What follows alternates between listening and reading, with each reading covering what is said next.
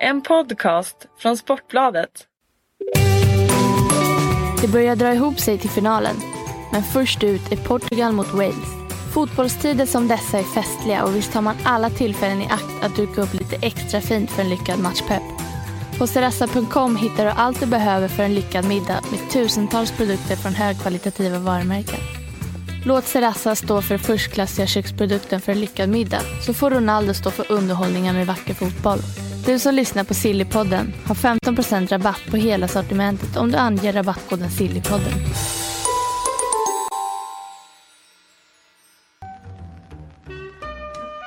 In the supermarket, you have eggs class 1, class 2, class 3. And some are more expensive than others, and some give you better omelets. That's the wrong information. Wrong, wrong, wrong information. I didn't say that. That's the wrong information. Do you think I'm an idiot? Wrong, wrong, wrong information. Now look at me when I talk to you. Your job is to tell the truth. That's the wrong information. Wrong, wrong information. Då hälsar vi hemskt och varmt välkomna till eh, Sillypodden här på Sportbladet. Eh, Jag heter Patrik Syk och mitt emot mig sitter Patrik Sjögren. Det är Sin vi som, semesteroutfit. ja precis, på semester. Det är vi som är på den här bilden. Ja, exakt. Om ni tar upp eran telefon eller Det är inte mycket att se. vad ni lyssnar på och så ser ni en grön bild. Det är vi. Ja, det är vi. Mm. Det var ett mysigt ögonblick när vi satt helt sådär, sådär brukar vi sitta. Det är Ja. ingen konstruerad bild det där. Sitter alltid i den där lilla boxen tillsammans, jag på Patrik Syks ena knä och smeker honom om ryggen. Det, det är ju roligt med bilder sådär att man ska alltid sitta mycket tajtare än vad som är naturligt. Ja. För det ser ju ändå såhär, ja men där sitter de liksom. Men det går ju inte att sitta så. Nej, nej vi satt ganska tajt. Ja, eh, verkligen. Eh, Nog om det som man brukar säga. nog om det. Jag, min hjärna jobbade där för en, liksom en segway. Ja, jag förstod det. Jag Sitta- tänkte nu går vem- jag in och krossa den. För vem- du, du ska inte hitta en segway där. Vem sitter tight? Vem ja, sitter Vem tight? sitter tajt? Eh, Benteke kanske? Ja, uppenbarligen inte. Nej, eh, utan han sägs ju vara på gång, eh, eller egentligen vara klar för Crystal Palace. Ja, det är di- din drömbild av det hela i alla fall. Det är väl det du allra helst vill just nu kan jag ana.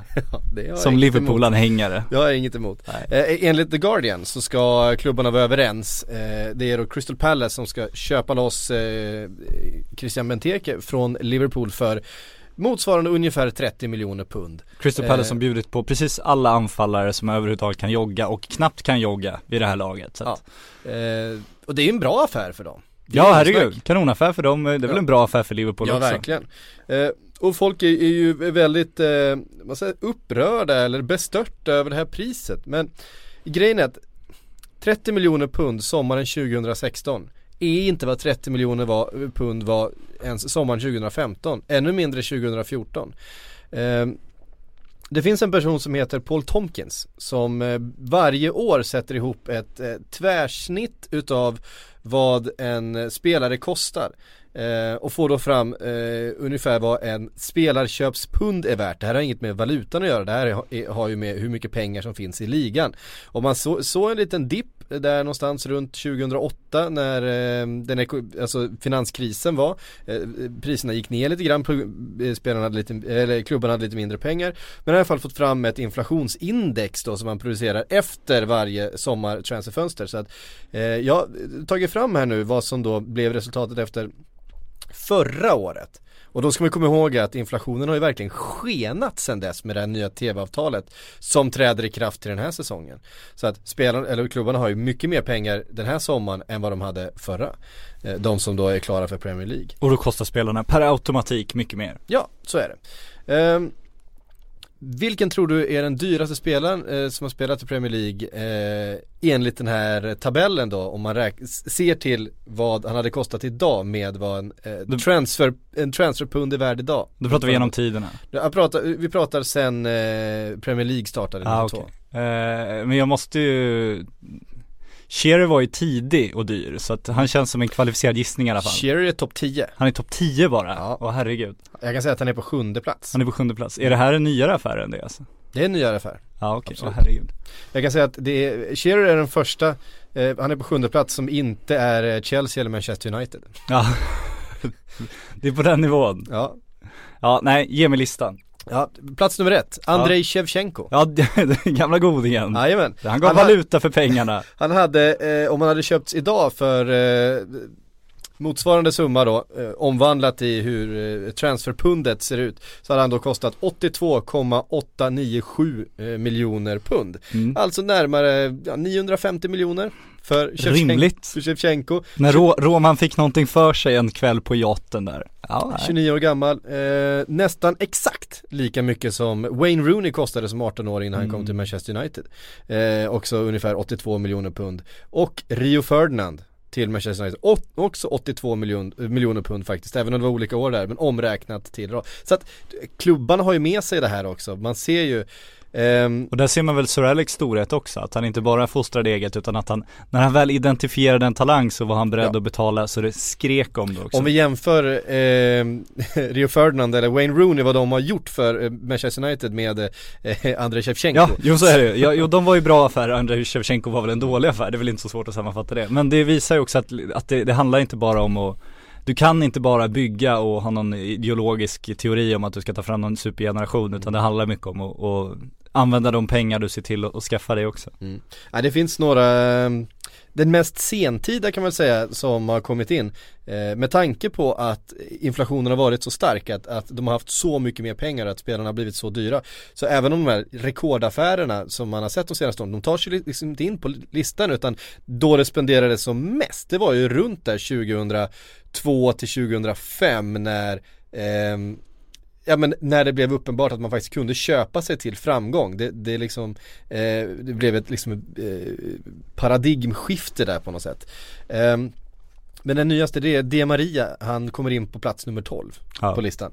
Eh, jag gillar, min favorit här är ju Sean Wright Phillips som idag skulle ha kostat 63 miljoner pund. han är på plats 9. Ehm, och ska man då ta eh, jämförelsen då med eh, Benteke och vad han kostade då förra året när han gick till eh, Liverpool så då var 32,5 miljoner pund så, var han, så är han alltså på plats 80 på listan. Så att det var inte speciellt mycket pengar för Liverpool den gången. Det är faktiskt inte så jätte- mindre nu. det är faktiskt inte så jätte, han, alltså eh, 31 miljoner pund i år, det är ju inte ens i närheten av topp 100. Nej. Så att, att en klubb som eh, Crystal Palace i den situationen köper en sån anfallare, det är en jättestor affär för dem och jättebra, men den är på inget sätt orimlig. Nej nej nej, allt handlar ju om, om klubbarna har, får mer pengar då blir spelarna dyrare för att klubbarna kan betala så mycket pengar och de kommer kräva så mycket pengar. Det är ju inte svårare än så. Och, vi- då blir det ju sett till klubbens ekonomi inte dyrare däremot utan det blir Nej. ju, summorna blir ju rimliga ändå. Mm. Man passar sig efter varandra. Och därför ser vi också att Watford som nobbar 400 miljoner för Igalo. Alltså att Igalo överhuvudtaget skulle kosta så mycket pengar eh, var ju otänkbart för ett år sedan. Ja det kan är man säga. det är Fortfarande fort- rätt det- Det, otänkbart. det är fortfarande för mycket pengar eh, för honom. Men eh, det faktum att, att de kan nobba det helt iskallt. När man för ett par säsonger sedan fick världsspelare verkligen för de pengarna. Ja men då var det som sagt andra pengar. Då Ja. var 400 miljoner någonting annat. Precis. Och det är, viktigt. Hoppas ni förstod det här, den här sifferporren som har pågått nu i några Mm. minuter. Ja, det, det som är roligt också, man kan ta lista, tar från plats ett och neråt vilka klubbar det är, så talar det också sitt tydliga språk. Vi har alltså Chelsea, United, United, Chelsea, Chelsea, Chelsea, Newcastle City, Chelsea, United, Chelsea, United, Arsenal, Chelsea, Chelsea, Chelsea, Leeds, och det var Rio Ferdinand eh, första gången, eh, Chelsea, Newcastle och Liverpool. Vart är Manchester City undrar man liksom, det är ju Ja. det där. Precis. Det är intressant. Det är väldigt intressant. Deras dyraste på den här listan är, är Kun Agüero då som är på åttonde plats för motsvarande 65 miljoner. Ja. Eh, så att de har liksom inte i närheten spenderat lika mycket. De spelade i- mycket på en gång, det var väl det.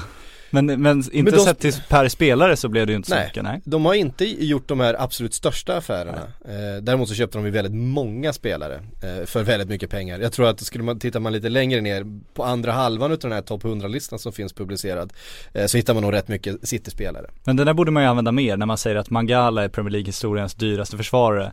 Det, Det är inte i närheten nej, det är ju egentligen inte. Om Nej. man ser till liksom hur man egentligen borde se på det hela. Nej, men det som är intressant här är också att eh, vi faktiskt har en, en mittback på plats tre. Ja, absolut. För att jag menar det finns ju inga fler backar eh, i närheten här på topp 20 som jag har skrivit ut. Nej, Och när den affären genomfördes ska man väl understryka också att då ansågs den helt uppåt väggarna och eh, Mm. Jo, det sensationellt märklig. Så. Det finns, det finns faktiskt en till eh, försvarare på topp 20, det är på plats 17 och det är Rio Ferdinand igen. igen. då till Leeds. Ja. Han gjort avtryck. Ja, jo men eh, han var dyr. Ja, han hade en bra han. agent. Ja han bra agent, han var också ett bra köp så att det är väl ingen som Ja, kan klaga nej. på de affärerna. Det var ju Tills världens rygg bästa. gick sönder. Ja, och medan vi ändå, eh, vi, vi tror väl att Crystal Palace och Benteke, de skulle vara överens eh, om eh, de personliga Ja, det låter som han också. också. har accepterat det här och det är väl det som Ja. har hängt på Palace har ju tidigare fått eh, bud accepterade också på Batshuayi och lite sådana här spelare Ja. men då har inte de varit lika sugna på att gå till Crystal Palace om man Nej. säger så. Det verkar Eh. Benteke inse att han måste vara nu. Ja, han har väl inte så många andra eh, så. bud eh, helt enkelt. Eh, Medan vi ändå är inne på, sitt, eller på Crystal Palace då, så har de plockat in Mandanda Ja. från eh, Marseille. Och det är ju också ett eh, tecken på att inflationen i England ser inte ut riktigt likadant som den gör i resten av Europa. De har mer pengar där. Sen är väl också ett tecken på att eh, Marseille var tvungna att sälja, de hade väl mer eller mindre en deal med Mandanda att nu var det dags att gå och eh, Mandanda ville som sagt väldigt, väldigt gärna hitta ett nytt äventyr. Han är inte purung längre och eh, för summan blev ju, han kostar ju knappt någonting så att det, var, det handlar ju inte om det men det är en riktig klassvärvning. Eh, de som inte sett fransk fotboll förutom PSG bör ha ögonen öppna för att det är en riktigt, riktigt bra målvakt. Ja. Sevärd också.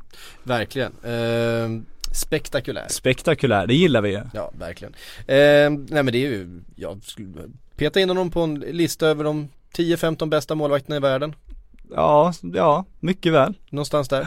Eh, vilket är fantastiskt för en klubb som Crystal Palace eh, ju. Så är det. Manchester City då, det har inte ryktats sådär asmycket sen Gündogan blev klar men eh, det börjar eh, röra lite på sig. Pep hade sin första, han blev presenterad, var det igår eller i förrgår? Ja, Eh, inför 7000 pers på en scen. Eh, blev då också, väldigt konstlat när han var klar ett halvår. ja det, det är lite sådär. Eh, blev då också Oh, vem kan det vara? Ja. blev då också intervjuad som sig bör utav eh, Liam Gallagher. Eh, vilket man ju alltid blir när man kommer och är en stor stjärna till Manchester City. ja, ända sedan Balotelli, det var väl då det började. Det var enda sättet för dem att, att få en intervju med Balotelli tror jag och faktiskt anlita Liam Gallagher, den brittiska tidningen som gjorde det. Det är genidraget. Ja, ja det är ju en Det var en fantastisk bra intervju också, Ja, väldigt, väldigt bra. fantastiskt Men bra. Fyrverkerierna i badrummet, ja, hur tänkte du där? det är ingen annan som riktigt kan ställa den frågan. Nej. Nej men det, det är ju också en kille som skulle ha kunnat gjort det själv. Ja absolut, ja han har viss förståelse för det. Och även han, Han- är, han döm- konfunderad. Han dömer inte. Nej, nej, nej, han undrar. Ja. eh, Manchester City ska ha budat på Torinos Bruno Perez, eh, mittbacken. Eh, och Torino som då redan har tappat eh, Kamil Glick. Man skulle kunna tänka sig själv att eh, brasse som Perez eh, blir rätt sugen när Pep hör av sig. Men det här öppnas ju, öppnar ju framförallt för Pontus Jansson. Ja han väl lira nu, han har ju, de har ju, det känns som de har velat, velat ha honom i startuppställningen hela året egentligen. Att de, Mm. när de väl skolat in honom att de har haft en intention att spela honom och nu öppnas ju möjligheterna också. Så det ser väldigt ljust ut. Frågan är om de tappar då både Glick och eh, Perez. Ja vi får väl vänta in Peres, Ja. jag är väl inte helt övertygad om att det där kommer gå låsa än. Det är mycket rykten nu om Pep som sagt. Helt plötsligt Mm. så visade han sig i Manchester och då fick de engelska tidningarna för sig att nu, nu är det dags att börja pumpa det där igen. Ja, vi kan ta det lite mer, eh, vad ska vi säga, publikfriande ryktet Ja. så handlar ju om eh, 750 miljoner för att få loss Toni Kroos då från eh, Real Madrid. Eh, ja visst, varför inte? Man vet ju aldrig ifall, eh, ifall Real Madrid känner att de ska in en Paul Pogba där till exempel. Ja, så. allt handlar väl om vad, Real Madrid vill. Men det, det är intressant det som kommer nu, för nu är det väl Chamez till PSG som ändå känns Mm. som det faktiskt Det skulle ju kunna hända. rimlig. Ja, den känns rimlig och man vill tro på den därför. Sen vet man inte riktigt hur mycket sanning det finns i det ändå, men den känns väldigt rimlig som du säger. Mm. Eh, Pogba verkar ju själv jobba för en flytt nu i alla fall. Mm. Så får vi se om, eh, om Real eh, ser den Galactico-potentialen, det lär väl göra i så fall och i så fall kan de eventuellt röra på Toni Kroos, absolut. Sen är frågan om det, om det hade varit en så bra affär för Real om man sätter det sportsliga för att eh, Toni men- Kroos är en fullständigt bländande spelare och passar väl på många sätt bättre in där också än vad Pogba gör just nu. Jag har ju verkligen tagit den där Xabi Alonso-rollen liksom och Ja, eh, och styr det där spelet från eh, djupt i banan. Jag har gått med på att även dra ner på sina egna, alltså sin, sin egen bolltid och lite annat, accepterat den rollen på ett väldigt bra sätt. Pogba skulle ju komma in med en helt annan svansföring och kräva betydligt mer utrymme, vilket kanske skulle gå ut över en Luka Modric om de skulle spela med någon, någon släpande tia där, det vet man inte riktigt hur de tänker än eller om, om han ska vara där till och med. De kanske har sett eh, en, en sån lösning men ja, han skulle, han skulle kräva lite, en lite större roll och Florentino Perez skulle definitivt kräva en betydligt större roll åt honom också om han nu ska betala en miljard för honom. Det är, ehm, det blir ett roligt pussel här. Ja, Därför att eh, Manchester United är ju väldigt sugna på Paul Pogba. ja det, kan man Det, säga. det, eh, det kan vi vara rätt säkra på att de vill ha Absolut. honom. Och då finns det ju alltså en möjlighet för Manchester City att snuva United på Pogba. För att enligt då E ESPN så vill ju Pogba helst till eh, Real Madrid. Men de, har, Rimligt. men de har inte riktigt råd, vilket också är rimligt. Eh, det är, en, det är en, inte en klubb som har helt obegränsade tillgångar, typ PSG. Eh, eller Manchester United för den delen, med det kapitalet som de har.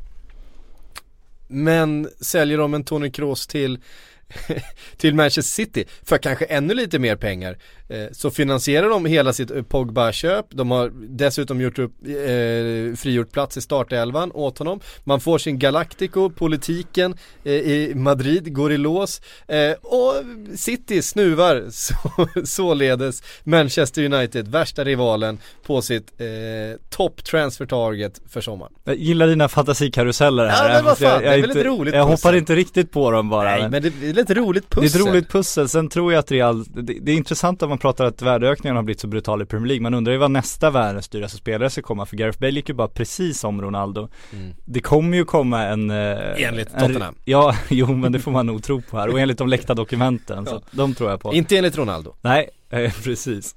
Men då undrar man vad reaktionen blir på världens dyraste spelare sen, vad kommer han kosta nästa gång? För det kommer ju ofrånkomligen också skjuta i höjden och då undrar man om Real Madrid kommer ha råd med det. Samtidigt om Real nu ska få sin transfer ban från Uefa och inte kommer förhandla på två fönster efter det här, då kommer de ju kunna budgetera med det och även göra de här affärerna till det räkenskapsårets utgifter också på ett precis. sätt. Så visst tror jag att de eh, har råd att lägga en dryg miljard på en Paul Pogba om de skulle vilja det Medfinansierat då om, om att de säljer Chamez först och främst, jag tror Ja. att det räcker så till och med Ja, det kan det mycket väl göra. Men jag gillar din fantasi Men det, är ro, men det är roligare. Den är rolig Det är roligare att tänka sig att, Absolut. att eh, Pep sitter och smider på en plan för att sänka eh, Mourinho. Ja, det hade varit väldigt, väldigt roligt, det håller jag verkligen med om Eh, Och Pep måste väl börja agera tycker man, för att eh, sån fantastisk trupp har han ju inte och det är ju dags att kasta en tårtälskande Ivorian över bord snart också Ja, han, han lär väl inte spela många minuter. Eh, Han och eh, Pep drar väl inte helt jämnt heller. Nej och det känns som han joggade sig bort från klubben i den där Mm.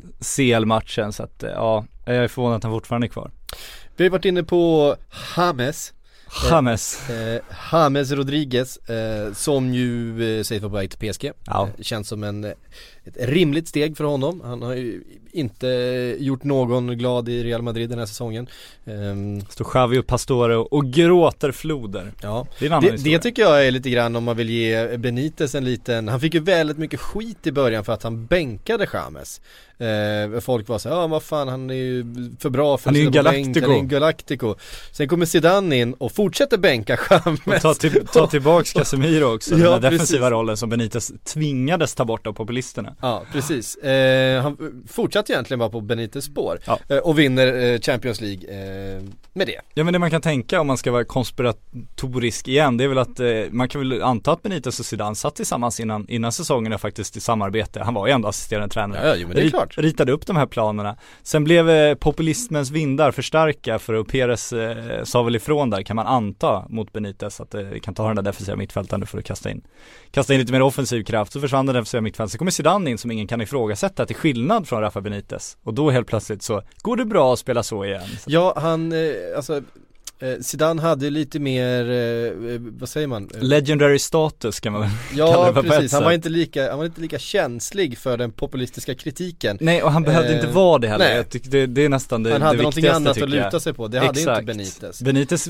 kanske inte var lika känslig heller men hans jobb hängde på det och då är det klart att han blir känslig Zidans jobb hängde inte på det Precis, eh, Hames eh, på väg in till PSG, Unai Emery håller på att bygga om verkligen Ja, och det känns som han bygger lite mer Alltså innan James eh, affären kändes som han, jag tänker inte säga James, eh, så kändes det som han byggde lite mer realistiskt också. Kanske inte gjorde den här stjärnfyllda laget som de har försökt med tidigare. Krychowiak har han ju löst ut då via utköpsklausul från Sevilla Och Hatem Ja exakt, Hatem gillar man ju något fruktansvärt, sen vet jag inte hur han ska få in han med Di Maria, det kommer bli slagsmål om de bollarna men Men Hatem gratis, Hatem Ben Arfa, gamla Newcastle-floppen som Ja. vi älskar, eh, en av fotbollsvärldens mest sevärda spelare Ja, Den är rolig. säga. Det får man verkligen säga. Och sen tar han med sin Sevilla-kompis vilket känns som, eh, som han vet vad han får där Mm. eh, Och sen har han ju, ska man vara väldigt tydlig med, en spelartrupp som är en av Europas bästa redan mm. Nej men eh, Krychowiak tycker jag känns väldigt spännande. Det är ju en eh, spelare man såg, man har sett under EM, man har inte man har ju sett honom i Sevilla förstås, men, men framförallt när han har tagit den här ledarrollen verkligen. Det har ju funnits fler led, ledare i Sevilla, men han liksom, han sjunker ner djupt, han, står, han pekar åt alla. Varenda boll som slås så har han liksom pekat ut den redan. Du ska passa dit och du ska passa dit. Han Han skriker. På bänken Ja, han, han, han är verkligen högljudd och det blir intressant att se honom, alltså den typen utav eh, karaktär i det PSG som ju är, väldigt mycket viljor och stjärnor eh, på olika håll. Och sen blir det ju intressant att vad, vad händer med liksom en eh, Verratti till exempel som hela- har varit den, den spelaren i, i PSG och gjort det otroligt bra. Hela mittfältet blir intressant om Chamez kommer också. Pastore känns ju som han har fått sin sista chans nu på något sätt. Det känns som han var på väg in förra året men ändå inte. Sen Matuidi påstås ju vara på väg bort även fast det, de källorna ger jag inte mycket för. Han bör PSG också behålla, jag tror de inser det själva. Men sen Thiago Motta blir inte yngre, Verratti Nej. är fortfarande briljant och han eh, ska man inte försöka kväva. Det är väl det som är risken om man tar in en kille som står och pekar på allting som du säger. Ja. Så det blir spännande att se hur de formerar det där. Om de kanske inte kommer spela med tre anfallare helt plötsligt. Ja nej precis, nej men Verratti, det var ju så roligt, det var någon som gjorde så här eh, eh, possession Så var det, det var väl mot eh, det var någon av Champions League-matcherna, men minns inte grad, det var motståndarlaget de hade liksom 35% possession och så PSG hade 30% possession, så Verratti 35% possession det är snyggt. Ja men det är lite, det är lite det ska han det, ha också. Ja men precis, det, är, det känns som han har bollen hela tiden Ja, ibland och det ska PSG. han fan ha. Eh, det är en fantastisk spelare på många sätt. Eh, van der Fiel har man gjort sig av med också. Mm. Eh, Zlatans kompis. Han ska till Fenerbahce. Som... Eh, Fick inget Linderoth-mottagande, han måste varit besviken. Ja, eller hur? Men eh, Fenerbahce gjorde ju också klart med, eh, den var det nu som de gjorde klart med samtidigt, det var väl därför. Eh, Skertel ska ju vara på väg dit och Ja, nej sen det var inte det utan det var alltså, nu står det still i huvudet på mig för jag har inte skrivit ner det. Ehm, skitsamma, Eh, vi går vidare. Eh, Victor Nilsson Lindelöv gjorde väl ett 3 plus EM? Eh, Ja, ja, två, tre plus, alltså sett till förväntningarna tre plus absolut. Ja. Sett till den egentliga insatsen är det väl två plus igen. Eh, nu ska i alla fall Milan vara Ja, nästa klubb som eh, har gett sig in i jakten på den här signaturen. Den där signaturen är nog svårare att eh, få loss än vad många tror. Eh, för jag tror att Benfica vill ha kvar honom och jag tror han själv vill vara kvar. Och han är i ett skede av sin fotbollskarriär där han behöver liksom en säsong i en startelva eh, i en miljö han känner och eh, han ska ju vara kvar. helt Ja, när man pratade med honom under EM så kändes det också som det, han var väldigt, väldigt inställd på att vara kvar och vi vet ju av erfarenhet att Benfica inte är en klubb man mobbar bort spelare ifrån och om då Milan ska komma med sin obefintliga låtsasplånbok från Kina och försöka köpa loss Victor Nilsson Lindelöf det kommer inte hända så länge inte Benfica eh, absolut vill sälja och Lindelöf absolut vill gå vilket ingenting som helst tyder på så att ja nej han blir nog av allt att döma kvar en säsong till i alla fall Vad ser du för Lindelöf den här säsongen då i, i Benfica? Tar han den där eh, första eh, mittbacksplatsen? Man hoppas jag är inte lika säker som alla är, det var skador förra säsongen och sådär och eh, Så att vi får se, men han är, har ju spelat sig så långt så att han i alla fall kommer rotera på de där platserna och det är värt en hel del om man spelar i Benfica för det är inte vilken klubb som helst. Så att Bara det kommer utveckla honom tillräckligt mycket tror jag. Ehm, vi nämnde, vi har nämnt Glick som är klar för Monaco, Ja. vi har nämnt eh, eh, Krychowiak som är klar för PSG eh, och även Milik, din favorit, målsumpen, Ja herregud vad usel han är ska vara klar för eh, Napoli Ja, det blir intressant att följa från, från Ajax. Ja. Han har ju inte varit målsumpare i Ajax dock, väldigt, väldigt bra i Ajax. otroligt mycket mål i, i klubblaget. Otroligt hyllad, hade enorma förväntningar på sig inför eh, polackernas EM men eh, är ju på allvar en av turneringens sämsta avslutare. Nu efter senaste matchen kom det ut statistik på det där också, alltså, han har ju bränt något fasansfullt mycket skott. Tveklöst så, så att eh, vi har sett tidigare att folk gör mål i, i holländska ligan utan att det har exploderat i andra ligor. Så jag är väl extremt tveksam till eh, hans förmåga. Då ska jag villigt medge att det enda jag sett av honom är ju i EM. Ja, man tittar ju väldigt sällan på holländska ligan nu för tiden. Ja, det finns den liksom ingen- på någon kanal va? Ja det gör den väl och det kan vara kul att se Sam Larsson ibland men i övrigt så finns det ju faktiskt tyvärr få anledningar att se på den holländska ligan. Nej, för det, jag minns före EM att det, det pratades otroligt mycket om Milik för att han skulle då eh, glida fram där i Lewandowskis skugga. Och då jämfördes det ju med eh, Suarez bland annat och med Ibrahimovic. Det Eh, brukar bli så när man spelat i Ajax. Ja men precis, han hade då bättre statistik, bättre, Ja. bättre målsnitt än både, både Zlatan och Suarez eh, i sin första säsong då eh, i Ajax och det talade ju om att det här var en, en blivande världsstriker och det får vi väl se. Det har han väl potential att bli fortfarande men han är ju inte det än. Det var lite annan liga framförallt Zlatan kom till för x Ja, antal år Känns som Suarez hängde med liksom på sista den här holländska vågen när det fortfarande var hyfsad kvalitet. Sen har det ju ebbat ut fullständigt. Det har vi ju sett också i det holländska landslaget som inte ens stod sig till EM sensationellt nog Men det skvallrar en del om hur holländsk fotboll mår nu Så att eh, det är inte den typ av liga längre Nej och de stjärnorna som har kommit eh, ur den holländska ligan som eh, har varit de överlägset bästa spelarna där. Till exempel en Memphis Depay har ju inte kunnat leverera i en, i en bättre liga. Inte alls, eh, och en, eh, vad hette han som till och med har glömt nu? Eh, centrala mittfältaren som gick till Barcelona från PSV som hade enorma förväntningar på sig. Som var lagkapten i PSV det säger allt att jag faktiskt har glömt det här namnet nu Mm. Ja, ja, det står still i mitt huvud också. Men vi tar väl och använder eh, holländska ligan som en eh, liten Kör din segway så ska jag segway till Vincent Jansen Ja, som ju är på GFT Tottenham. De har höjt budet. De fick ett bud på 17 miljoner euro är det den här rapporten är skriven i. Ni får hålla rätt på eh, valutorna själva men det är ni, det är ni vana vid. Ibland pratar vi pund, ibland pratar vi euro, ibland pratar vi kronor. Det vi, vi gör inte det jobbet åt er. Eh, Tottenham ska i alla fall ha fått ett bud på 17 miljoner eh, nobbat tidigare i veckan och ganska rappt höjt det till 20 miljoner.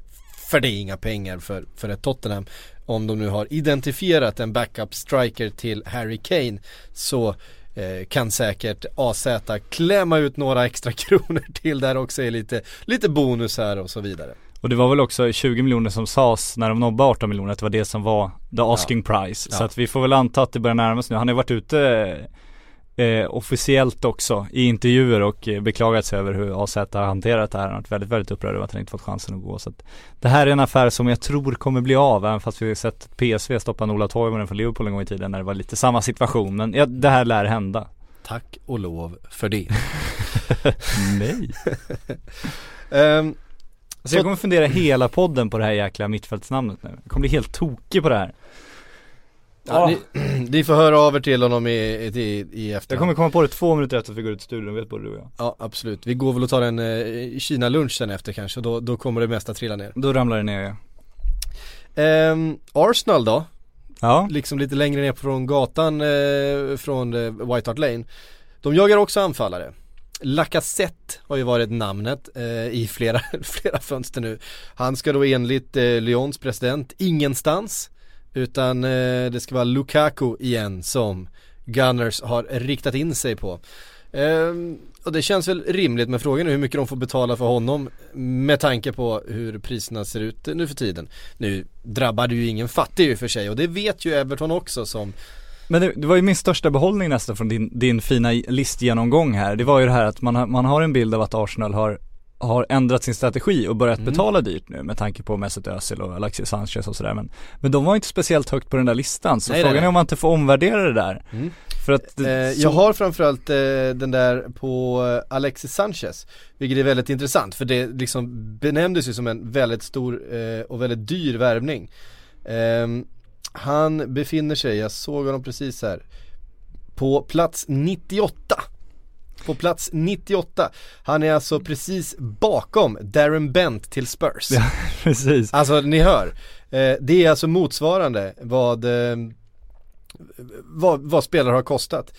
Eh, han är, ska säga här nu, ja han är, han är typ mitt emellan Darren Bent och Roberto Soldado till Spurs. Vilket är lite intressant. Ja men då undrar man för det, det kommer ju inte räcka att betala liksom plats 98 på listan i, i spelarpundvärde för att få loss Lukaku utan de måste ju upp på vad kan vi tro, topp 20 i alla fall Mm. för att överhuvudtaget kunna röra på honom och då är frågan om Wenger har det i sig med tanke på att han faktiskt inte har betalat så dyra summor om man ser till det där.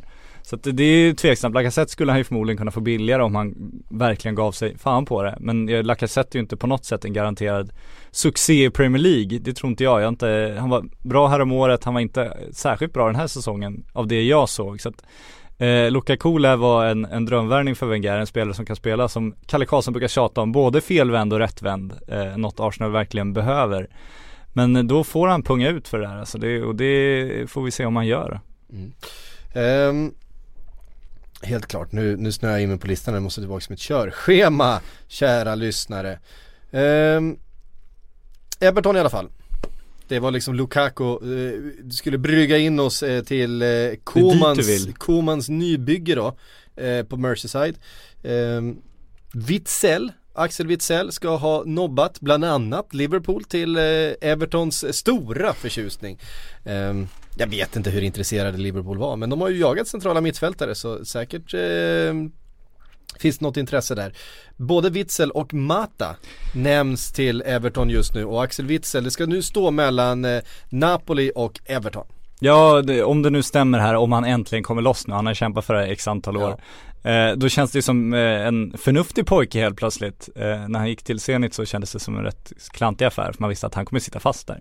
Om man har identifierat Everton som en klubb där han kan utvecklas så Framförallt efter förra säsongen så undrar man vad han sett då men Nej men då, då känns det ju rätt smart gjort av honom så att man kan väl hoppas att det är sant det där Om det inte bara är lönen som har avgjort nu att det är det som gör att de återstår Ja, för även Everton har mycket pengar. Eh, Så är det. Precis som alla de engelska klubbarna. Och även, Ibrahim Afellay, för helvete Jaha, den jäveln. Stoke. Ja, han hade enorma förväntningar på när han gick till Barcelona. Han var ju liksom en av eh, Eredivisias mest uppsnackade spelare. Han var en Ja, etablerad absolut. mittfältsmotor, en ledare, han hade allting. Han kom gratis, hade väntat ut sitt kontrakt för att fritt, fritt kunna välja klubb. Han går till FC Barcelona och han är katastrofalt dålig. Så. Ja. Det var där jag gav upp den holländska ligan för all framtid. Det är därför jag också har förträngt hans eh, numera skandalomsusare på så sätt namn. Vet du vad? Jag gillar verkligen att du eh, plockar upp honom just nu för det leder oss ju in på Stoke. Ja! Det var ju helt osökt. Jag har ju, jag har ju låtsats att jag glömt bort hans namn. Nu presenterar jag det här ögonblicket för att ge dig den, de här legendariska bryggorna du alltid jobbar med. Eh, Stoke som vill ha Nani. Ja det Som har här, gjort ett väldigt bra EM så här långt och den här gillar man ju. ja men den här verkligen. man älskar ju det som hänt med Stoke som Ja. blivit någon slags, eh, ja men det Milan var tidigare på något sätt. Ja men Stoke Alona, det är... Kelowna, exakt. Ja, även hoppas Nanne blir anfallare då, för det är där han blomstrat nu i EM. Ja. Men eh, får väl gå in och, och kriga med Bojan Kirkic som en startplats. Ja men det är ju BMX, BMX-kedjan där framme Som, eh, hur blir den då med Nani som ska in också? Nej den blir ju inte alls bra Det här blir inte alls bra, den faller ju. Och det är ju en eh, kommersiell, Det är ju synd, det är ju synd tycker jag absolut. Ehm, Nej men kul med Stoke som ju eh, minst sagt har ändrat strategi om man säger så. Ja, eh, helt klart Förut var de i Island med sina långa inkast. EMs tråkigaste lag. Ja det är det ju Mm. ja, Det får man inte säga i det här landet. Jo det får man visst Ja det är bra. Ja nu är Eh. det walesare så. Men Wales spelar faktiskt ganska underhållande fotboll Ja det gör de. eh, Jag säger bara Det är också en punkt på min, eh, på min lista här, Robson Canoe Ja, Han, är ju, han är ju kontraktslös, han gjorde hela tre mål förra säsongen det är ju för, fantastiskt. för sitt Championship, jag Nu vet inte ens vilka han. han spelar för eh, Reading, kan det ha varit det? Jag vill säga Wigan men jag, nej, jag Say hello to a new era of mental health care. Cerebral is here to help you achieve your mental wellness goals with professional therapy and medication management support. 100% online. You'll experience the all new Cerebral Way, an innovative approach to mental wellness designed around you. You'll get a personalized treatment plan from a therapist, prescriber, or both in a safe and judgment free space.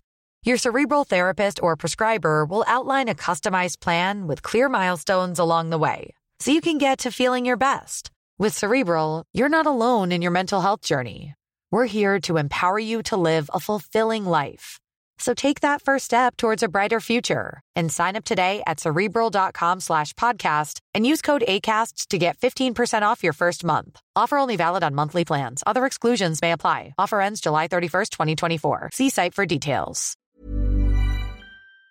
Vet inte heller. Vi får, vi får kolla upp det. Men det, den var ju fin den tweeten. Eh, the proudest parents in the UK right now. Och så var det Brian Robson och eh, Kanu Nonovaku. det var fantastiskt. det har inte jag sett. Det var är ju jättebra. ett av fotbollsvärldens bästa namn ju, Robson Cano. Ja herregud, riktigt, riktigt bra. Fantastiskt tweet. Ehm, alltså Reading, den- du har ju rätt ju. Ja, det var det. Ja. Eh, du ser, ibland, Vad du ibland kan Patrik blixt, blixten slår ner. Ja. Eh, ibland. Du ska fokusera igen efter att ha suttit och funderat på Ibrahim Afellay i 20 minuter. Ja, och jag har ingen aning vad jag har sagt jag de att- senaste 20 minuterna. Det kändes som jag brände en del, eh, en, en, en, del hjärna på att plocka fram Redding ur, Ja. ur järnbarken där Så. också för att nu kommer jag helt av mig. Jo, han är ju kontraktslös och det är, Ja. det är så smidigt att eh, ha ett kontrakt som går ut dagen före man gör en Cruyff-fint och ställer ett helt belgiskt försvar och gör ja, ett av turneringens snyggaste mål. Ja och eh, visar turneringens absolut sämsta försvarsinsats efter England vid Islands 2-1 mål. Ja, alltså den är bedrövlig. Alltså det räcker att du står där, vad ska du, ska, nej, nej det går inte ens att prata om den försvarsinsatsen. Det, men man måste väl. Vi, får väl hänga, det är ju Denayer, Fellaini och Jordan Lukaku. som- Jordan Lukaku som kom in och övertygade. Ja, vi varnade ju för honom. Ja, det gjorde vi, vi faktiskt. Vi, sa det att det var ju en, eh, en svaghet i det eh, belgiska laget. Eh, ingen snack. Men eh, faktum är att vi, eh, jag hade egentligen en annan segway från Everton. Ja, Eh, och det var ju att vi skulle ta oss till Liverpool. ja, Som ja. ju har plockat in eh, Mané eh, som är klar, och ser ut att bli av med Benteke. Men den längsta och mest utdragna ryktescirkusen handlar ju om den här polacken Zielinski som väl inte har fått göra mer än ett par inhopp i EM tror jag.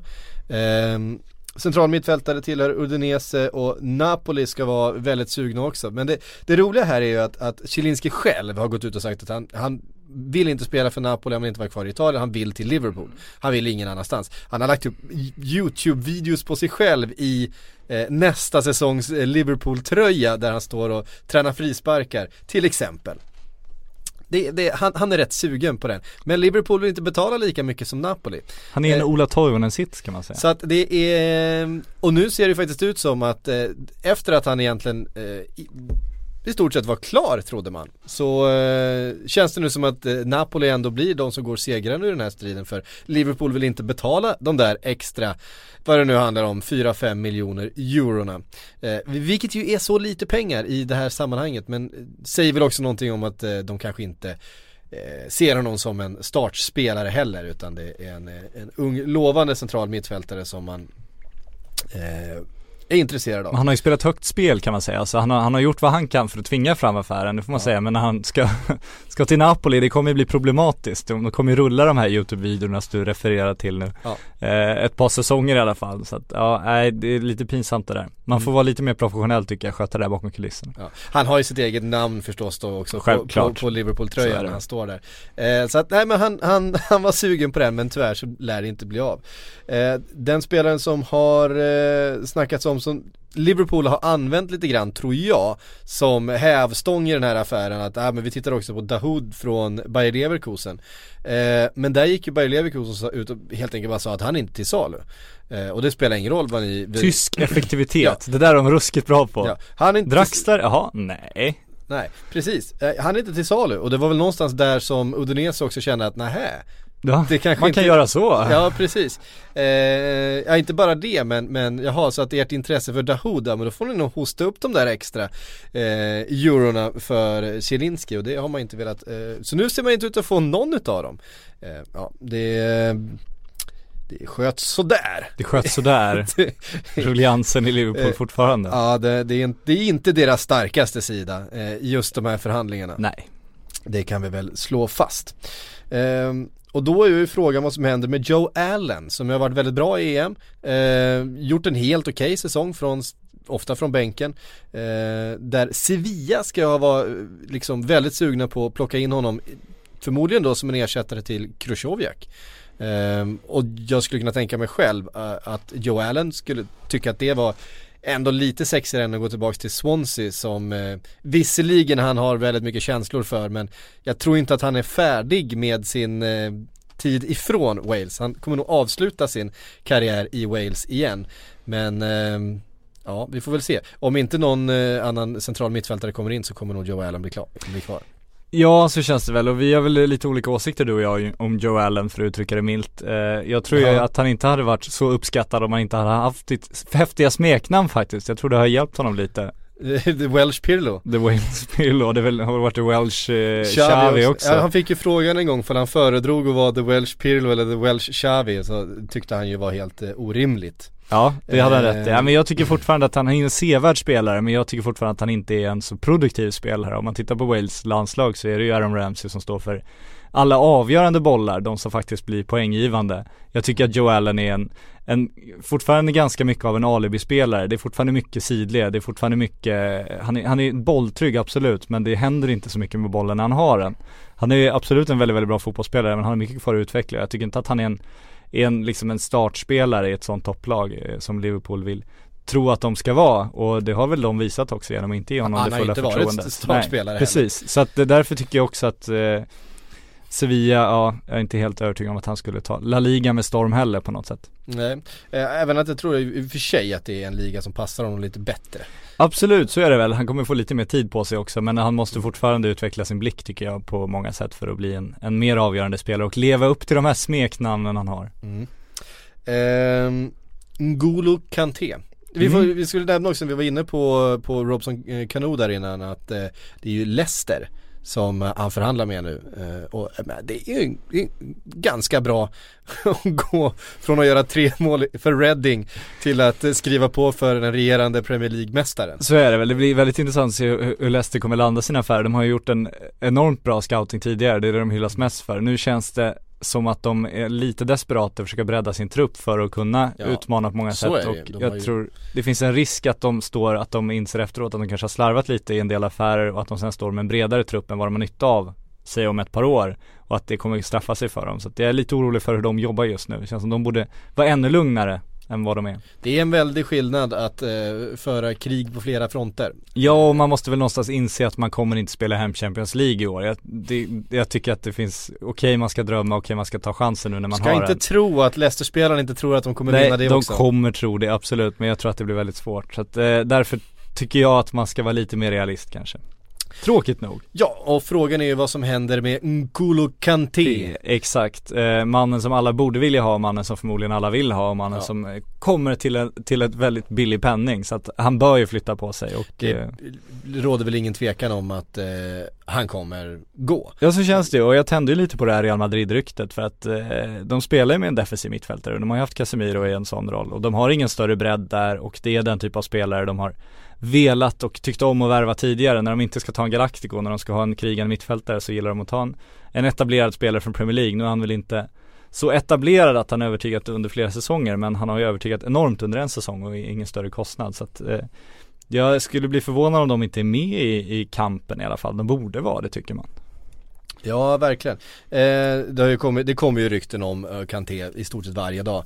Eh, han, jag menar, man kan prata om många utav de här spelarna men den resan som han har gjort och till att vara kanske den viktigaste spelaren i det franska landslaget Ja. inför den här semifinalen. Ja det är det som är så också, han har inte bara lyckats i ett system. Eh, Vi pratar mycket om det, om Islands spelare nu, att de kommer Deras marknadsvärde kommer skjuta i höjden och sen kommer folk bli förvånade att de inte är övertygade när de, när de hamnar i ett lite mer otryggt system och ett lite mer friare roller. Men Kanté har ju visat att han klarar av det i Leicester och i franska landslaget nu. Franska landslaget där han inte på något sätt har liksom varit en etablerad spelare heller ju. Och ändå kliver rakt in och blir en av de bästa spelarna i EM så att eh, eh, Sjukt imponerande. Ja, ehm, och det, det är just den här kvaliteten han har, att den här befinna sig överallt, eh, verkligen ta jobbet och sen ha kvalitet i båda fötterna när han väl har bollen och han väl finns där tillgänglig. Det finns ganska få sådana spelare eh, på marknaden faktiskt som, som erbjuder det. Så det är det klart att eh, ja, klubbarna står ju i kö. Det har ju pratats ju om alla topplag i England också förstås. Eh, men det är kul hur det går mode i sånt här tycker jag för att eh, det är liksom, ja nu ska vi bara ha spelande målvakter ett tag och sen så, ja men vi kanske ska ha någon målvakt som kan rädda också. Sen nu ska vi bara ha spelande mittbackar, ja men vad händer med de här försvarscheferna liksom? De, de, nu är det de som blir attraktiva. Samma defensiva mittfältare, ja men de måste kunna hantera boll lika bra, de måste vara lika bra på, på, på djupledsbollarna som Toni Kroos är. Ja men sen kommer en Blaise Matuidi in och eh, är liksom ganska hopplös på många sätt men blir extremt nyttig och det känns som en, en chock för hela PSG att jäklar vilket jobb han gör. Han, han måste ju få spela Kanté, det blir ju samma sak. Casemiro som ju inte är en Real-spelare på många sätt men Nej. i den rollen inser de helt plötsligt att ja, men vi, kan, vi måste ha honom för att vinna Champions League. Han är en av de viktigaste spelarna i systemet. Och då helt plötsligt så finns det ganska få av dem kvar. Kanté är har- ju en uppgradering på Casemiro. så är det ju, absolut. Han kan mer än vad Casemiro kan. Men det jag menar är att det finns ganska få av de här, framförallt box-till-box-spelarna. Därför tycker man också att Renato Sanchez som kommer fram nu är så extremt intressant. För han har ju boll i sig, minst sagt. Men han har Mm. också det här eh, arbetsmoralen så länge han får spela centralt. Han har inte så mycket arbetsmoral när han satt ut honom på vänsterkanten kan man väl säga. Det kändes som att han inte riktigt eh, var lika trygg där helt enkelt i vart han skulle befinna sig. Han såg blev- livrädd ut ja, han, ute. han, ja, han, han såg lite, lite förvirrad ut Ja, faktiskt. minst sagt. Och det tycker man ju kanske ah, det ska man inte säga att det är den enklaste rollen att, att ta för du, ja, men du ska utmana och du ska göra dig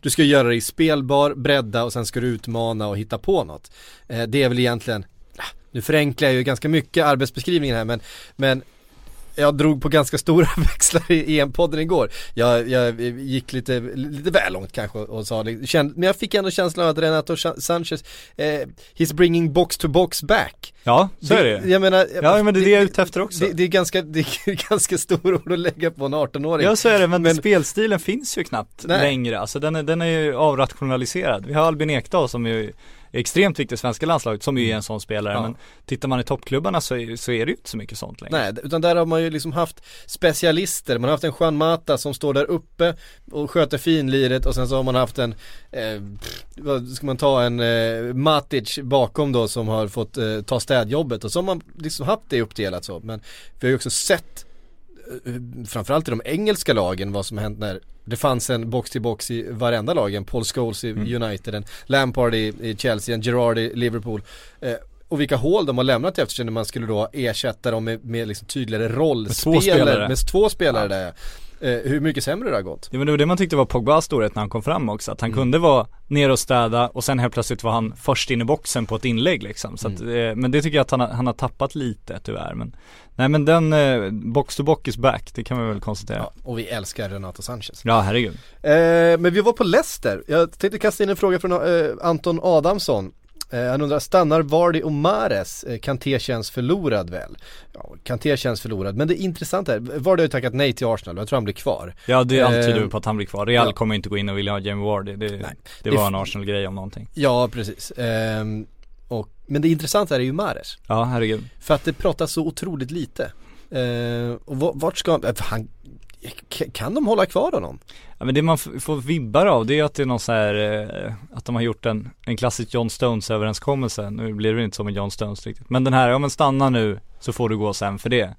Det kan ju finnas så och att det finns ett, eh, en klausul, nu är jag väldigt konspiratorisk här, men att det finns en klausul till nästa sommar som är en ganska låg penning. Så att han vet att då, då kan han växla ut en hel del själv också och han är säker på att det blir en affär då. För det finns liksom, och anledningen till att jag kommer med den här märkliga, väldigt lösa teorin, det är ju att jag har ingen logisk förklaring. Man har ju funderat på det här, varför är det så tyst? Och jag kommer inte fram till någonting. Nej, Nej det, det, det är väldigt märkligt. Vi, var, Ja. vi diskuterade förra veckan också ifall det kanske, antingen att det är någonting som är klart. Ja, Att, och det är en agent som inte behöver liksom jobba media och därför händer det inte för det finns så mycket andra att, andra att skriva om. men, Men, tidningarna borde ändå jobba. De borde, han borde ändå vara en De en- borde göra sitt jobb. Ja men exakt, Nej, man borde vara första sidestoff liksom. Han, Ja. han är ju inte svår att placera de största klubbarna så att det är väldigt, väldigt konstigt alltihop. Ehm, ja, eh, verkligen. Nu ska vi se, nu var jag inne här på en fråga också nu. Tillbaks till körschemat då, Ja, igen.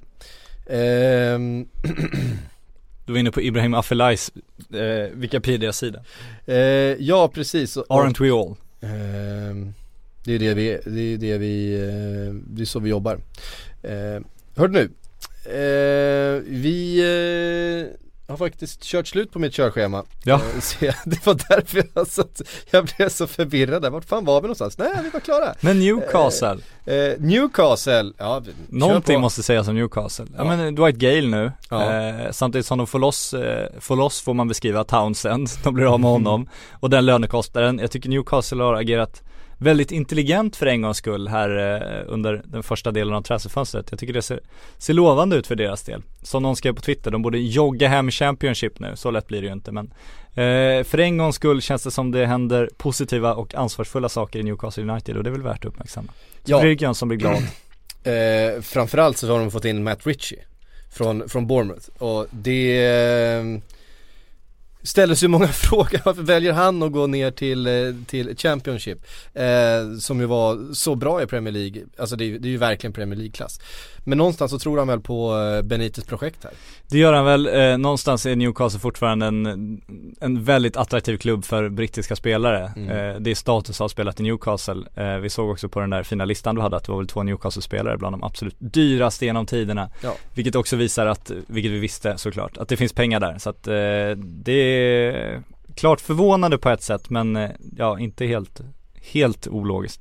Då kan man ändå säga att eh, Newcastle som då är, är, är andra divisionslag redan har gjort klart med Matt Ritchie, Dwight Gale och eh, målvakten Mats Sells. Ja. Det är ganska bra jobbat. Och, Ja, det är bra affärer. Det är Ja. liksom, det känns som spelare som, eh, som inte är fantasispelare på något sätt men som man vet kommer gå in och göra ett bra jobb i Championship. Som också vet själva vad Championship handlar om. Så att jag tror att det är väldigt, väldigt smart affär.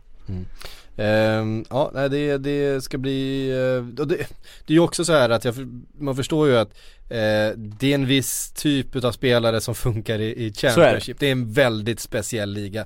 Det är utan det- Xavi skulle få problem tror jag. Ja det skulle han. Eh, och jag skulle säga att det är den bästa andra divisionen i världen. Eh, just för jag tror inte att något av de andra, ah, möjligtvis den liksom eller ah, Bundesliga, eh, några av klubbarna där skulle gå in. Men det är svårt att möta de här jävla lagen. Eh, och den fotbollen de spelar i det vansinnestempot och egentligen utan så mycket, Ja. så mycket annat. Det är det, jag, vet, jag vet inte om det är den, den bästa ligan men det är den svåraste ligan där det är förmodligen. Ja. Det spelas ju Eh. inte den bästa fotbollen i Championship om man Nej det är säger inte så. så vacker fotboll. Nej, Men den är ju väldigt underhållande. ja och effektiv på sitt sätt. Ja, eh, nej men det ser man ju väldigt ofta i England hur eh, Championship-lag slår ut Premier League-lag ur kupper och så mycket i högre utsträckning än man ser i andra länder. Och sen Eh. så tror jag också att det kan finnas en viss förklaring i det att Premier League-lagen eh, är faktiskt svagare generellt än vad eh, många topplag är i andra länder. Så är det. Tycker jag faktiskt. Eh, men visst ska vi eh, hylla Newcastle. Jag tycker framförallt, Dwight Gale i all ära men eh, att man fått loss eh, Matt Ritchie är det, det är förvånande faktiskt att de, att de lyckas med det Ja. om jag ska vara riktigt ärlig. Eh, frågor var det. Vi har fått en från David Malmström här. Eh, hur ska United få ihop laget med så många nyförvärv? Vi har ju faktiskt inte ens pratat Zlatan som har blivit Nej. klar sen. Eh, Det känns så sönderpratat trots att det hände i det, det. fredags. Ja, vi står, vi har stått i tv. Den ligger väl ute nu, vår eh, Zlatan special. Vi får väl eh, pusha lite för den då. Eh, vi spelade in, du, jag och Kalle Karlsson.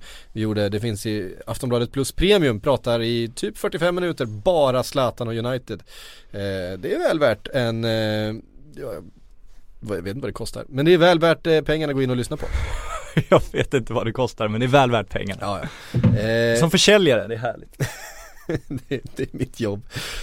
David Malmström skriver eh, som sagt hur United ska få ihop eh, lag med små nyförvärv. Eh, Zlatan in och Mkhitaryan får vi också räkna in då. Eh, han är ju klar. Ehm, Pogba kan vi inte räkna in. Nej det som kan vi inte göra. Som vi hörde tidigare i eh, podden. Så många nyförvärv kanske de inte har. Zlatan är inte helt svår att placera vart han ska vara. Nej. Eh, om vi säger att Mourinho ska spela en 4-3-3 som vi är väl inne på. Mm. Eh, så Mkhitaryan eh, har väl också en ganska naturlig plats när man skickar hem en Juan Mata, vilket vi får anta att man gör. Nej men han kommer ju spela där till höger bakom Zlatan och sen en Martial till vänster bakom Zlatan.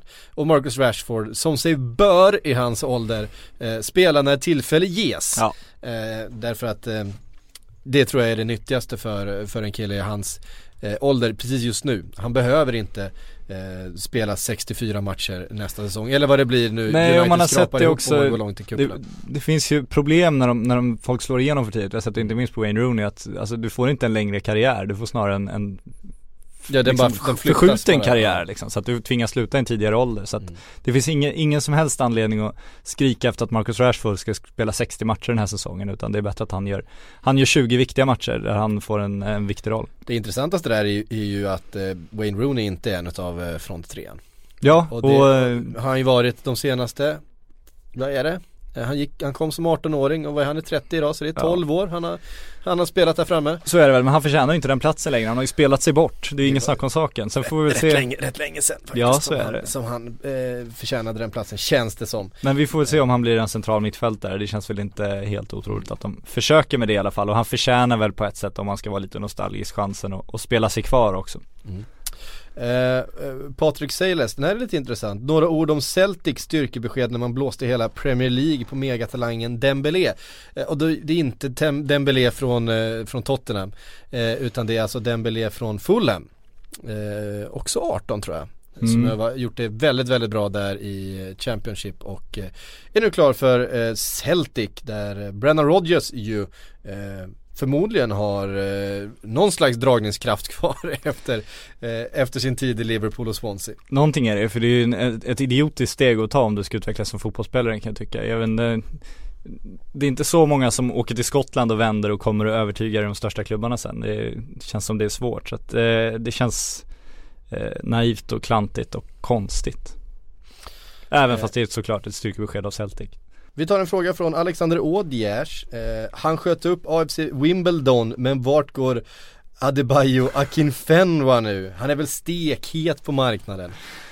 Han har väl sitt företag där som Ja, ska lägga lite mer tid på. Den gigantiska vad, vad är det fotbollsspelaren. han säljer? Jag kommer inte ihåg vad fan det är. Det är, Jag något, vet- det är något jävligt random i alla fall. Jag vet bara att han semestrat i LA av allt att döma och han har tagit lite bilder med Steven Gerrard och vad det nu var så att, ja, nej, han, eh, jag tror fortfarande många tvek, tvivlar på att hans eh, kropp är en fotbollskropp och eh, det är väl svårt att lasta dem för det. Eh, men intressant, han har Men ju han gör ju sina mål. Ja, och han har ju övertygat i de lägre divisionerna, så är det ju. Han har ju Ja. fortfarande inte slagit sig in i Premier League riktigt. Men eh, han är ju en profil, han är ju en eh, kille marknadsavdelningen eh, kan göra en hel del kul med så att Ja, det finns många skäl att värva honom ändå. Ja, han har ju, alltså går man igenom alla hans, eh, hans lag här så är det ju Det är ju fantastiskt, han har spelat för otroligt många lag eh, Han började eh, som ungdom i Watford Kom till FK Atlantas, eh, Barrytown, Boston United, Leighton Orient, Rushden and Diamonds, Doncaster Rovers, Torquay United, Swansea City, Millwall, Northampton, Gillingham, Northampton igen, Gillingham igen och sen då Wimbledon i två säsonger. Och nu får vi väl se, han har ju inte lagt av. Nej det har han inte gjort, men de så som det blir väl något League One-lag som behöver Så lär det bli, något mer till den där listan. target. De som är obekanta med honom kan väl beskriva honom som, han är lika stor som Tim Wiese, fast inte när Tim Wiese var landslagsmålare för Tyskland utan när Tim Wiese är professionell MMA, eller MMA, eh, wrestling fighter nu. Precis, nej men han har ju sitt klädmärke där, eh, Beast Mode, Beast Mode On. Ja, Är det det är nog inga eh, kläder som passar mig har jag en känsla av. Ehm, eh, nej det, precis. Han kan bänkpressa 200 kilo. Ja, det kan jag däremot Enligt, göra enligt Wikipedia. Jag var Ja. tvungen att gå in på Wikipedia. Ja, jag förstod det. hans- Det var ju redan där på Affelais sida så att det var ju bara ett klick bort Precis, eller rättare sagt jag hade, jag hade hela Akinfenwas karriär i huvudet alla Ja, absolut, absolut Ehm, Vi tar en eh, till fråga Ja, det här är, den här är lite spännande för den är till dig eh, JRs har skrivit Sjögren kan ju än en gång berätta för oss hur mycket klubbar kan tjäna på tröjförsäljning. Ja, nej, men man lutar sig mot den myten när Real eh, värvade Beckham att de skulle ha betalat av den summan på en vecka, det är väl inte riktigt sant. Eh, det, det när folk, problemet är när folk säger tröjförsäljning så räknar de in en hel rad andra grejer också. De räknar in all merchandise och eh, ditt varumärkes, hur mycket det stärks eh, Så att det, det är inte så enkelt att du säljer 400 miljoner tröjor och sen är alla, alla avbetalningar gjorda. Men om man tittar på United så eh, Hela, hela anledningen till att de inte sålde Wayne Rooney förra säsongen påstås ju vara att de inte hade en, en, eh, en kommersiellt gångbar spelare, en kille de kan sätta på de här affischerna i, i, i på torgen i Tokyo liksom och sälja tröjor och eh, branda sin klubb och eh, sälja sitt varumärke. Och det pågår ju ett krig hela tiden nu om de största marknaderna, vilken klubb som är mest populär, vem som säljer mest merchandise för att det är väldigt viktigt, inte bara merchandise till tv-avtal och det ska det är turister som ska flygas in och framförallt ska de här företagen få upp ögonen för dem att det liksom finns ett, eh, en anledning att använda Manchester Uniteds logga när du säljer saker. Vi har ju sett på Chevrolet som, som finns på tröjan att eh, de vill ju inte sälja några bilar i Storbritannien. De har ju bara köpt det där för att de ska sälja bilar i andra länder. Säger ju allt. Om du då har en, en riktigt stark marknadsspelare, en Zlatan Ibrahimovic, då kan du bli omåttligt populär även i sådana länder på nya marknader. Du, du kan återerövra Asien, du kan bli stor i Indien, du kan få, få eh, mer uppmärksamhet i USA och på så sätt inte bara sälja tröjor där utan framförallt locka företag där och eh, branda sig med din tröja eller på olika sätt använda eh, sig av dig i din marknadsföring. Vi såg på PSG när Zlatan gick dit, det var inte bara så att de, han sålde Zlatan-tröjor i Sverige utan det fanns ju till och med Zlatans namn på, på kvargprodukter i Sverige som var Sverige-tillverkade och bara den lilla samarbetet visar hur, hur noga och hur långt ner i, i liksom de kommersiella gångarna vägarna du går för att hitta intäktsströmmar. Så att eh, när Zlatan går till, till eh, Manchester United nu så kan de ersätta Wayne Rooney och de kan sälja kvar i Indien så att det är väl kanon. Mm. Undrar vad Volvo tycker om att han ska springa runt med Chevrolet på bröstet eh, hela säsongen. Ja och Mourinho har väl en sponsordeal med Jaguar han så att eh, ja vi får se vilken bil Zlatan eh, bilar med från Malmö till United för han bilar ju uppenbarligen hem från Paris till Malmö och Ja. från ett, ett somrigt Paris till, till ett vintrigt Malmö. Det var också en liten tidsmaskin han tog där. Ja, ja. Eh, Klafffel kallas det men det njöt vi av. det finns inga fel när Zlatan eh, är inblandad. Nej så är det. Eh, William Isaksson, det här, det här är lite svårt. Om Sjögren hade varit chefen i eh, Liverpools transferkommitté, vilka beslut hade han då fattat? Ja men avskeda resten av Liverpools transferkommitté, det är väl så, så envåldig härskare. Nej den är knepig alltså för att Ja. det känns som eh, möjligheterna och förväntningarna på Liverpool inte klaffar överhuvudtaget. Alla förväntar sig ju att Liverpool ska värva några av världens bästa spelare hela tiden. Sanningen är att Liverpool faktiskt inte har så mycket pengar om man jämför med konkurrenterna och inte har den dragningskraften. Eh, så att de har ett, ett otacksamt jobb. Och heller inte ha den historien Nej, av att plocka in stora spelare. Nej. Gör så, ge Klopp vad han vill ha. ge Klopp vad han vill ha och se till att sätta en Ta organisation. budet från Crystal Ta Palace. budet från Crystal Palace, det är det första ni ska göra. Och sen sätta en organisation som eh, genomför lämplig scouting och sen använda sin dragningskraft på, på nyttiga brittiska spelare där Liverpool fortfarande är en, en av de största klubbarna i världen att gå till. Ehm, Felix Envall eh, skriver, varför snackas det inte mer om Kane? Trots hans dåliga EM, han har trots allt vunnit skytteligan i Premier League för Spurs, borde vara hett villebråd för någon av de större klubbarna. Inom parentes, inget illa ment om Spurs. nej nej. Eh, Snacka skit om Spurs, det det är kan ingen bli- här, det ingen det- Vanka, nu kör vi. Det kan vi ta.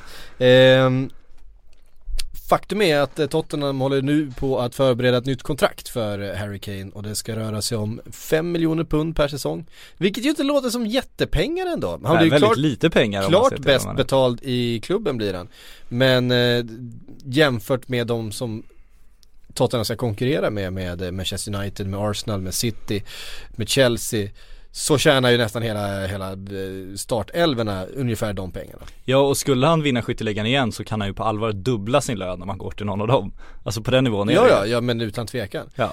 Ehm, Men det- det är väl det som det är väl en tredjedel ungefär vad Zlatan får i, i Manchester- Sen det är ju Zlatan, han kommer gratis och det är Manchester United och så vidare, han har en av världens högsta löner. bara. Ja, och så vidare. Men det är ändå Harry Kane, det, Absolut, ja någonstans sitter ju Harry Kane och hans agent och jämför sig så det kan man väl vara Ja. säker på. Men det är det som är imponerande med Tottenham också att de faktiskt har lyckats hålla ner det där. Även Christian Eriksen när han var het på marknaden, vilket han inte riktigt är nu, lyckades de hålla på ganska låga nivåer hela tiden. Så att, eh, det gör de jäkligt bra och det är väl det man vill se om Leicester klarar av på samma sätt. Nu har de väl höjt eh, Wardys lön två gånger redan säsongslutet så att får se vart det slutar det där när alla andra ska kräva samma också. Men imponerande av Tottenham. Sen känns det ju som Harry Kane faktiskt vilket man ju vill tro, har lite klubbkänsla och eh, vill hellre vinna någonting med Tottenham än att vinna någonting med någon annan engelsk klubb. Eh, så att det är väl därför han stannar också.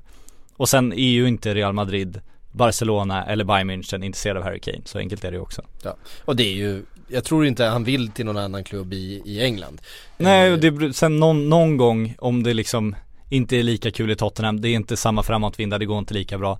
Det är klart att han också kommer snegla på sitt lönekonto. Det, det är ju mänskligt att om du kan dubbla din lön, att du överväger det, det så är det ju självklart. Men just nu så finns det väl ingen anledning.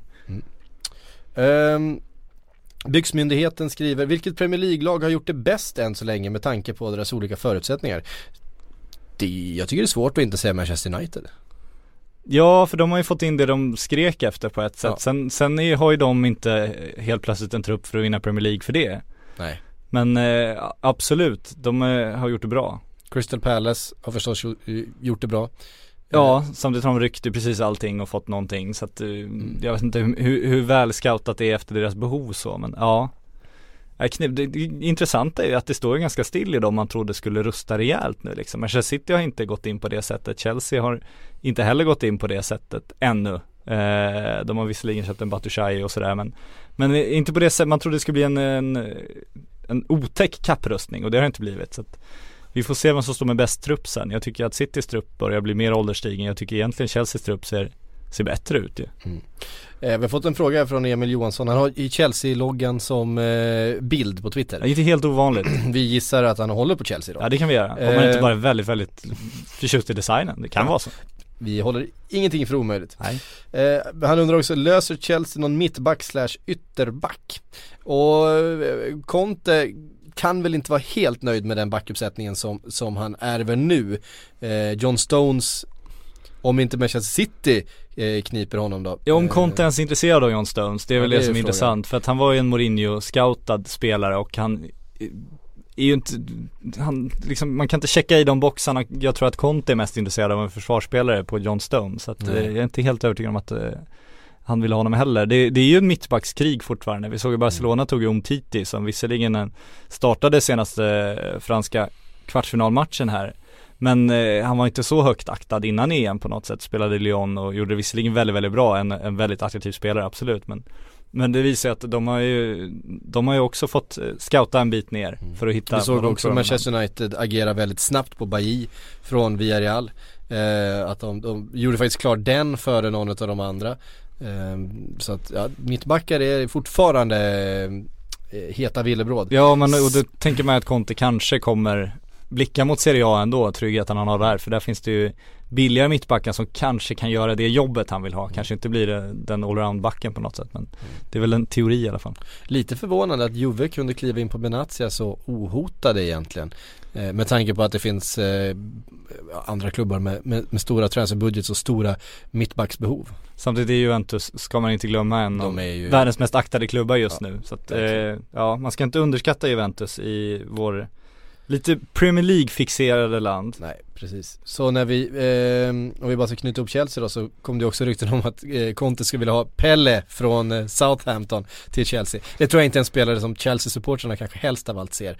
Eh, samtidigt så är det intressant också att se hur Southampton blir sönderköpta och sönderköpta och sönderköpta eh, år ut och år in. Det, Det- brukar ju bara vara Liverpool annars som, Ja, som köper alla Southampton-spelare. Exakt, de har väl gett dem, vi kom ju fram till, vi satt och spekulerade att Liverpool hade kunnat köpa hela Southampton för ungefär tre gånger så mycket de, som de gett Southampton för spelare de senaste åren bara. Så att på den nivån är det. Men ja, eh, Pelle, det känns ju som ett fantasilöst rykte bara. Oj, han har överraskat EM. Oj, det var Contes lag. Oj, men ska han inte ha honom då? Ja, jag hoppas att han har stö- större drömmar för sitt Chelsea än väl- Graziano Pelle. Det var väl brist på annat som gjorde att Pelle startade där överhuvudtaget. Eh, så var det ju. Det ska man vara tydlig med. Hörrni, det var allt vi hann med den här tisdag eftermiddagen. Eh, tack så hemskt mycket för att ni har lyssnat. Vi är tillbaka snart igen. Eh, puss och kram, hej!